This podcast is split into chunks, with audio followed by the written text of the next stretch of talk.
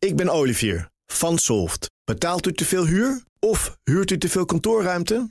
Solft heeft de oplossing. Van werkplekadvies, huuronderhandeling tot de verbouwing. Wij ontzorgen u. Kijk voor al onze diensten op soft.nl. Studio Den Haag.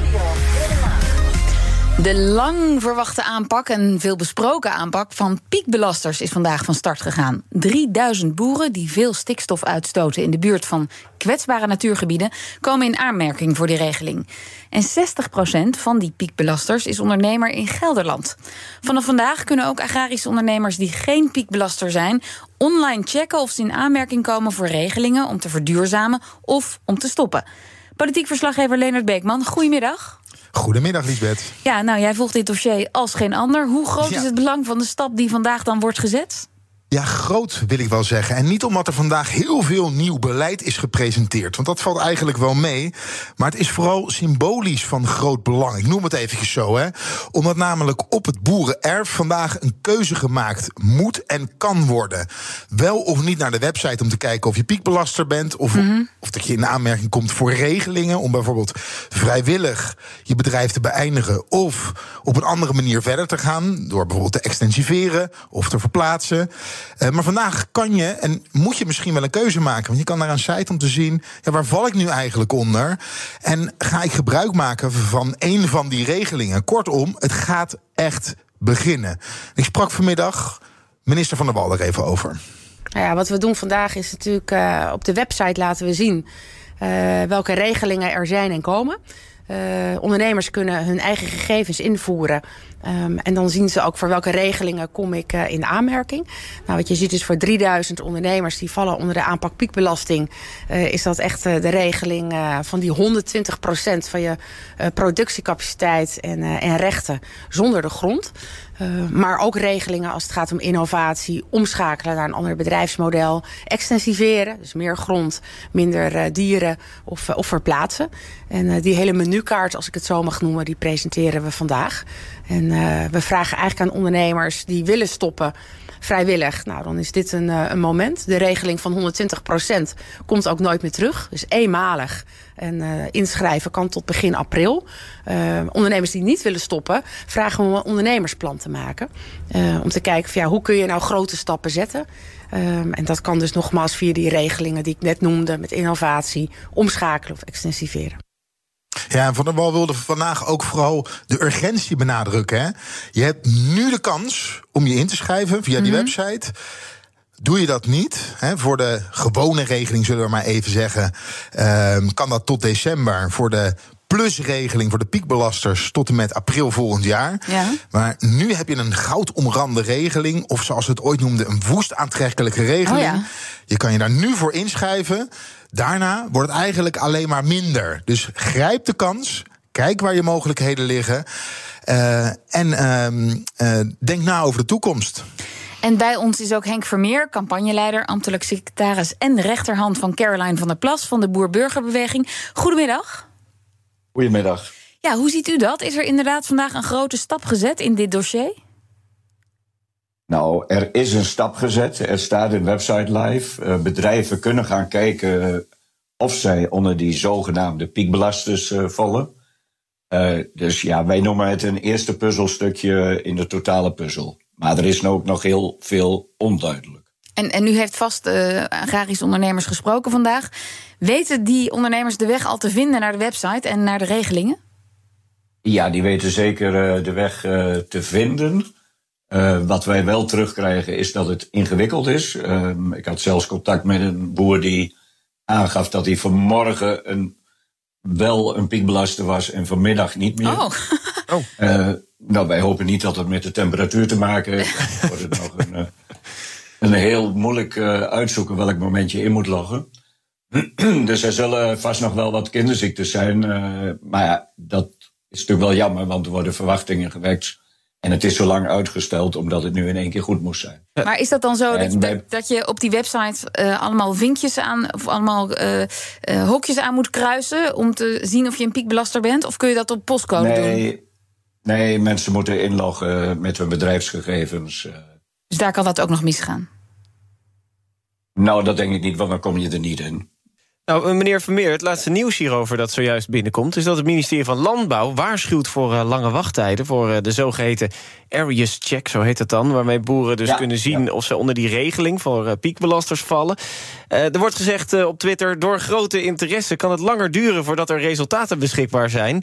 Het departement raadt gebruikers dan ook aan... om even juist weer te wachten... en op een later moment ja. in te loggen. Maar dat zegt dus wel dat best wel veel boeren al aan het controleren zijn of zij dus mogelijk uitgekocht kunnen worden. Nou, uiteraard. Want het is ook al heel lang bekend dat er uh, heel veel boeren geen opvolging hebben, geen bedrijfsopvolger. Dus die gaan sowieso kijken. En er is natuurlijk, omdat er geen lijsten gepubliceerd worden, is iedere boer geïnteresseerd: sta ik wel of niet hm. op zo'n lijst? Uh, want het is toch een soort predicaat van het ministerie van Landbouw wat je krijgt. En maar... je wilt wel even weten hoe schalen ze jouw bedrijf in. En ik kan me voorstellen dat precies om die reden vandaag toch een spannende dag is voor heel veel uh, boeren. Ja, absoluut, absoluut. Want het zegt iets over uh, zeg maar op welke manier het ministerie jouw bedrijf op de korrel heeft. Ben jij in de ogen van het ministerie een pro probleem of niet? Mm -hmm. Ja, dat willen mensen natuurlijk wel graag weten, omdat er zoveel onzekerheid is al jaren. Uh, ja, is elk stukje duidelijkheid wat je kunt krijgen, daar snakt iedere boer naar. Ja. En Leendert, wat, wat hoopt de minister van der Wal van stikstof dan vandaag te bereiken vanaf, vanaf vandaag? Ja, de minister wil vooral dat ondernemers een eerste stap gaan zetten in een lang proces. Nou, wat ik hoop is dat uh, in ieder geval binnen die aanpak piekbelasting... die 3000 ondernemers, dat iedereen in ieder geval inlogt. En uh, uh, gewoon om dat denkproces op gang te brengen... en na te denken over, over de toekomst. En dat... Hoeveel ondernemers zijn er nodig om er een succes van te maken? Ja, dat, dat kun je zo niet, niet zeggen. Als wij echt onze streefwaarden willen halen dan, uh, dan zouden er echt 600 tot 800 ondernemers mee moeten doen. Maar ik hoop op veel meer. We hebben het over de piekbelastersregeling, hè? Ja, gaat het echt om die 3000. Um, en ik hoop natuurlijk veel meer. Dat uh, uiteindelijk of vrijwillig stoppen of een ondernemersplan maken wat goedgekeurd wordt door de provincie. Ja, iedere stap die we zetten is, is mooi, maar het is natuurlijk heel impactvol. We vragen veel van ondernemers. Uh, daar helpen we ook bij, daar doen we alles aan. Ik heb veel aandacht besteed aan de uitvoering en de ondersteuning om daar echt klaar voor te staan. Uh, om ook echt, echt te helpen. Ja, en alle andere ondernemers, we hebben ook de landelijke beëindigingsregeling op 100 procent. Die is niet eenmalig, die komt in de toekomst vaker terug, maar dan steeds tegen een lager percentage. Uh, dat zijn de ondernemers die echt in de gebiedsprocessen zitten. Ja, en iedereen uh, die daar nu zou willen stoppen, uh, roep ik ook op om mee te doen. Want dat, is het een, dat geeft ook lucht aan de gebiedsprocessen voor bijvoorbeeld ondernemers die willen extensiveren. Is er genoeg vertrouwen eigenlijk om hier aan mee te doen? Want ja, dat wordt wel eens ter discussie gesteld. Nou, wat je, ik zie twee dingen. Uh, wantrouwen moet ik echt inloggen. Want wat doen, wat doen ze met mijn gegevens? Nou, niets. Uh, het is anoniem en we slaan geen gegevens uh, op. dat geldt voor de website. Wat ik in de agrarische sector zelf uh, zie, is dat er heel veel wantrouwen onderling is. En uh, dat ook ondernemers die uh, gebruik willen maken van een beëindigingsregeling, onderhandelen met de overheid of bijvoorbeeld nadenken om de stap te zetten naar biologisch, echt in negatieve zin worden aangesproken door andere ondernemers. En ik hoop dat we dat niet meer doen. het is oké om zaken te doen met de overheid. Het is oké om na te denken over je toekomst, hoe je nog verder kunt verduurzamen. Dus in die zin hoop ik echt hiermee die bewegingen in gang te zetten. Lisbeth, ik moet erbij ja. wel zeggen dat het wel heel duidelijk wordt voor ondernemers of ze in aanmerking komen voor de beëindigingsregeling. Mhm. Mm -hmm. Maar alle andere regelingen, zoals ze er liggen, dus bijvoorbeeld het extensiveren, er is nog wel heel veel onduidelijk. En de minister zegt zelf: ja, we hebben een menukaart, maar we kunnen nog niet de gerechten uitserveren. Uh, ja, er moet nog wel een hoop uitgewerkt worden. Zo kan je het ook zeggen. Henk Vermeer van de BBB. Uh, ja, de minister zegt, hoopt dus dat het boeren oké. Lijkt en dat het weer oké wordt om over uh, zaken met de overheid te doen.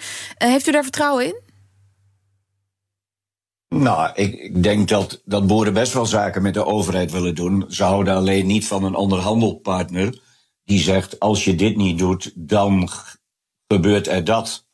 Dus dat, die dwingende maatregelen erachter, die stok achter de deur, dat vindt men absoluut niet prettig. Omdat men, uh, men zou ook nooit met een handelaar zaken doen die zegt van, uh, als je dit bod nu niet accepteert, dan kom ik hier nooit weer. Nou, dan zou een boer ook zeggen van, uh, nou, dan kom je hier maar nooit weer. Nee, maar ze maar zei... het dwingend dus instrumentarium het dwingend instrumentarium, eh, wat eigenlijk betekende we kopen je verplicht uit. Dat is zo goed als van tafel. Dat wil Van der Wal niet. Ze zegt alleen, we gaan op een gegeven moment naar normeren en beprijzen kijken. Kortom, de vervuiler betaalt. Ja, nou ten eerste zegt ze dat ze het niet wil, maar ze heeft het nog niet uitgesloten. Elke motie daarover is ook ontraden en uh, weggestemd door de coalitie. En vervolgens is normeren en beprijzen. Uh, dat klinkt hartstikke mooi, maar dat past op dit moment nog niet met de internationale handelsverdragen hm. die we hebben. Zowel binnen als uh, naar buiten Europa.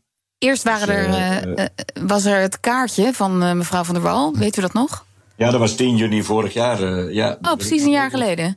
Ja. ja. En, uh, maar zijn, zijn jullie dan tevredener met deze aanpak? Of de manier van presenteren? Dus dat je inlogt, dat dat anoniem is? Nou, absoluut. Wij willen niet uh, van die lijstjes die ook weer door derden gebruikt kunnen worden. Bijvoorbeeld financiers die daardoor weer informatie hebben om te kunnen zeggen van ja, maar uw bedrijf is minder waard op termijn. Dus ik ga nu ook uw financiering mm. herzien en dat soort zaken. Dus dat is positief hieraan. Wat er ook positief aan is, dat uh, de boer zelf gewoon er naartoe kan.